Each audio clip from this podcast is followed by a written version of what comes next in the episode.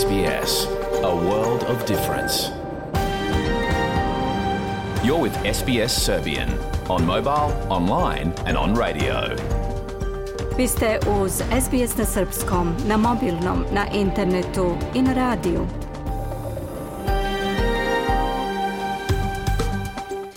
SBS odaje priznanje tradicionalnim vlasnicima zemlje sa koje danas emitujemo program na srpskom. Ovim izražavamo poštovanje prema narodu u Ranger i Vojvorung, pripadnicima nacije Kulin i njihovim prošlim i sadašnjim starešinama. Također odajemo priznanje tradicionalnim vlasnicima zemlje iza svih aboriđinskih naroda i naroda sa ostrva iz Toresovog Moreuza, na čijoj zemlji slušate program. Dobar dan! Danas je ponedeljak, 19. februar 2024. Ja sam Biljana Ristić.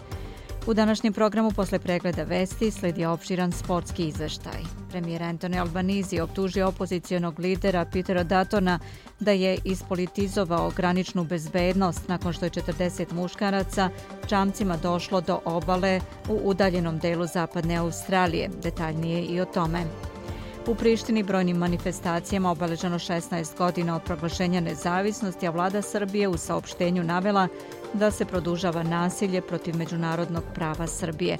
Mija Nikolić reći će više o tome. To su neke od tema, ostanite sa nama do 16 časova. Sledi pregled vesti.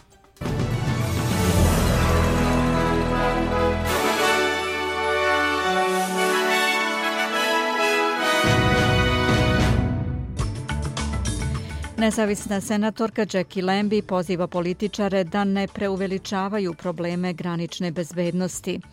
Bivši premijer Scott Morrison obratio se okupljenima na skupu u Sidneju osuđujući antisemitizam. U Briselu održan sastanak ministara odbrane zemalja članica NATO-a, glavna tema vojna pomoć Ukrajini, ali je bilo reči i o Zapadnom Balkanu.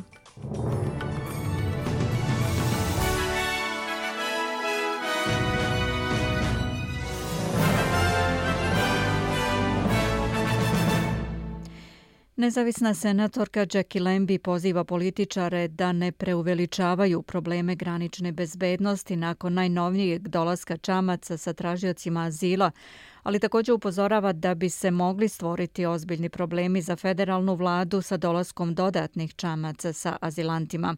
Oko 40 muškaraca, kako ABC izveštava 39, koji su prošle nedelje pristali čamcem u udaljeni zaliv u zapadnoj Australiji, navodno je odvedeno u Australijski centar za azilante na ostrovu Nauru.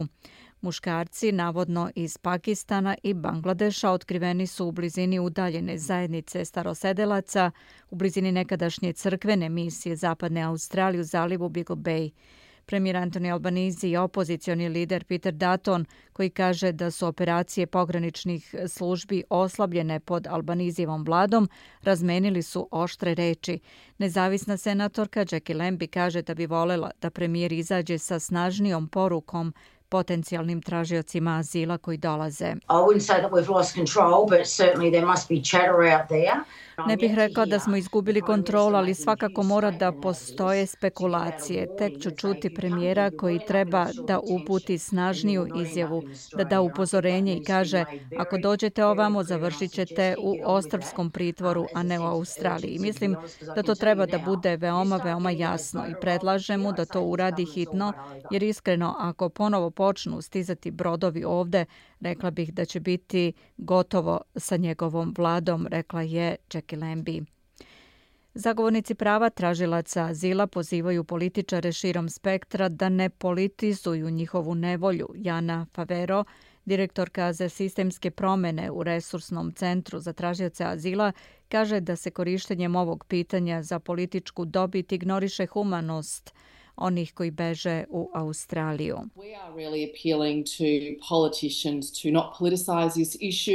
Mi apelujemo da se ne politizuje ovo pitanje, da se političari usmere na ljude. Ovde se radi o ljudima, ne o politici. Postoje političke smernice i zakoni koji osiguravaju da ljudi mogu biti bezbedni kada su u situaciji da beže i spasavaju živote. Nije ništa novo da će ljudi uvek pokušati da odu na bilo koji način ako su im životi u opasnosti, rekla je Favero.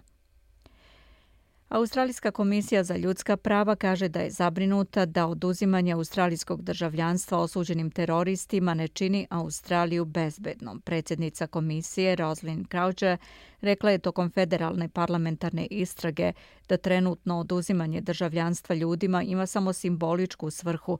Zakoni koji se odnose na ovo usvojeni su u federalnom parlamentu prošlog decembra. Gospođa Rosalind Croucher kaže da je prema ovim zakonima prag za oduzimanje državljanstva trenutno prenizak. Gubitak australijskog državljanstva za dvojna državljanstva, odnosno državljane, je izuzetno ozbiljna stvar i trebalo bi da bude moguć samo u izuzetnim okolnostima. S obzirom na uloge Samo najteža kriminalna ponašanja treba da budu obuhvaćena od strane režima. Ipak, prema tom aktu, sud može doneti nalog za prestanak državljanstva. Ako je, pored ostalih uslova, sud izrekao kaznu od samo tri godine zatvora. Gospođa Kraučer kaže da bi kao uslov tri godine zatvora trebalo da se poveća na šest, a trenutne kazne ne bi trebalo da se računaju dva puta, kao što je to do sada bio slučaj. Ona također kaže da oni mlađi od 18 godina ne bi trebalo da budu obuhvaćeni tim zakonima. A bivši savezni lider zelenih i aktivista za zaštitu životne sredine Bob Brown uhapšen je i optužen za ulazak na tuđi posed bez odobrenja zbog protesta protiv seče drveća na Tasmani. Oni još dvojica pristalica privedeni su sinoć oko 21 čas tokom protesta na mestu seče šuma u području Stix Valley. Bili su udaljeni samo 200 metara od granice područja, koje je izlistano na listi svetske baštine, ali dr. Brown kaže da ovo područje uopšte nije trebalo isključiti iz zone svetske baštine, jer je dom najvećih cvetnih eukaliptusa na svetu koji mogu da narastu do stotinu metara. Dr. Brown tvrdi da je četiri ili pet takvih stabala posečeno, a oni koji ih seku, kaže on, čine zločine. Dr. Brown kaže da bi seča šuma trebalo da bude jedno od pitanja na predstojećim izborima u državi Tasmaniji. Novo istraživanje javnog mnjenja pokazuje da Australijanci u velikoj meri podržavaju promene Albanizijeve vlade koje su uvedene u okviru treće faze poreske reforme. Međutim, ta politika do sada ipak nije uspjela da pridobije veću podršku među glasačima. U okviru promjena sve platiše poreza će dobiti smanjenje porezkih obaveza, pri čemu će 84 od njih od toga imati veće koristi nego što bi imali prema prvobitnom planu koalicije. Najnovija anketa koju je sproveo Australian Financial Review, Freshwater Strategy Poll, pokazuje da 44 od 100 ljudi podržava promene u poređenju sa 15 od 100 onih koji se protive.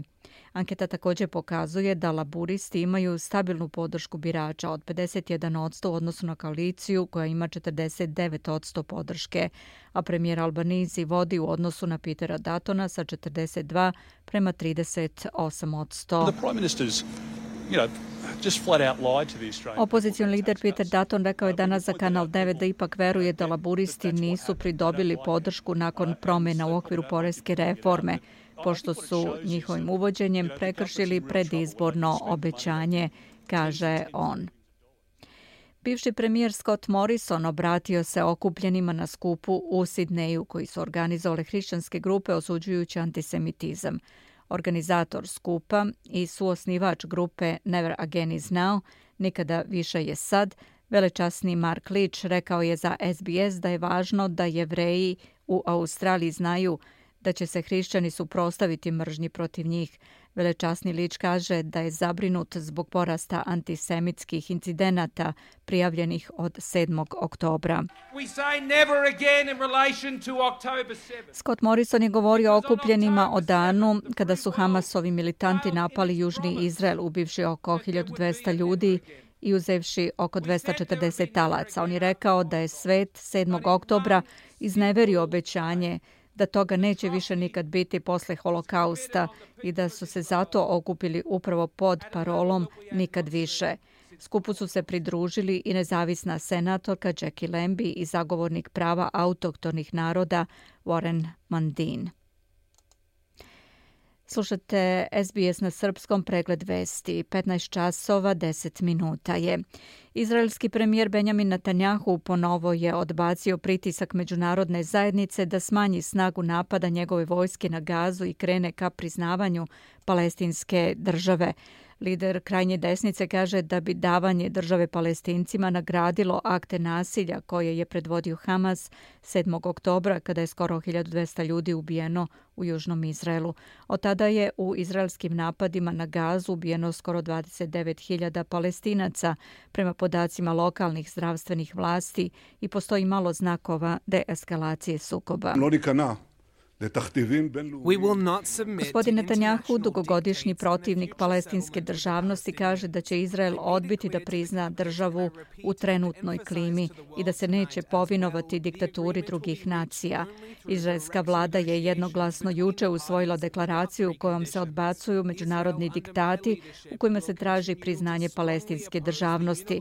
Izrael kategorički odbija međunarodne diktate o trajnom dogovoru sa palestincima. Dogovor, ukoliko se postigne, može doći samo direktno kroz razgovore dve strane, bez prethodno postavljenih uslova, saopštila izraelska vlada, preneo je Times of Israel.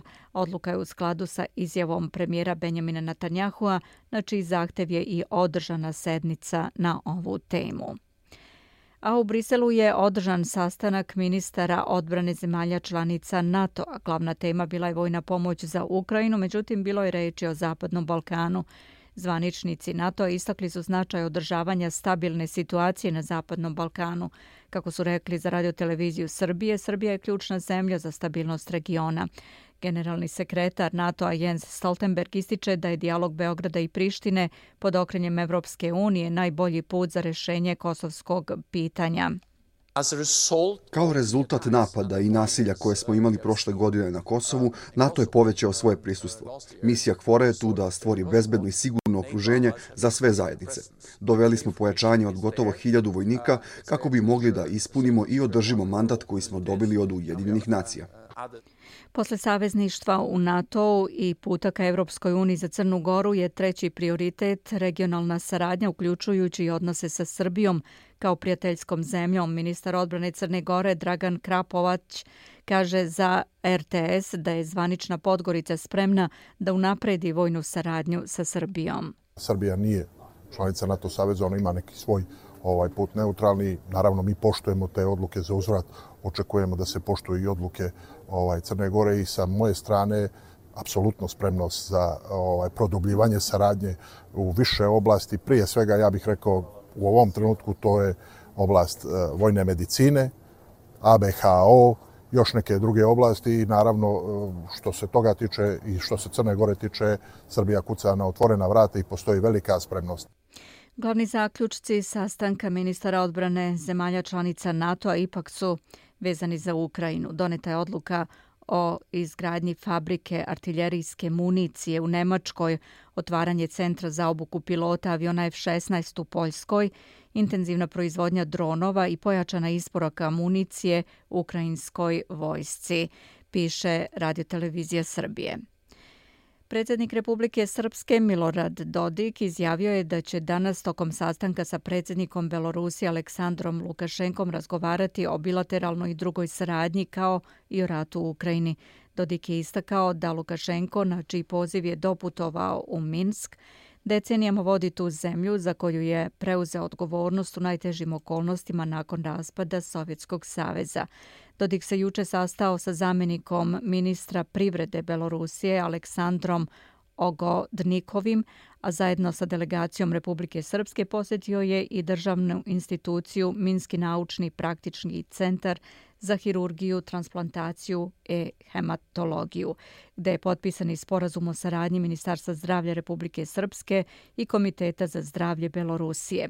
U delegaciji Republike Srpske u posjeti Belorusije su još i ministar zdravlja i socijalne zaštite Alen Šerenić, ministar za naučno-tehnološki razvoj i visoko obrazovanje Željko Budimir, ministar poljoprivrede, šumarstva i vodoprivrede Savo Minić i direktor Sarajevo Gasa Istočno Sarajevo Nedeljko Elek.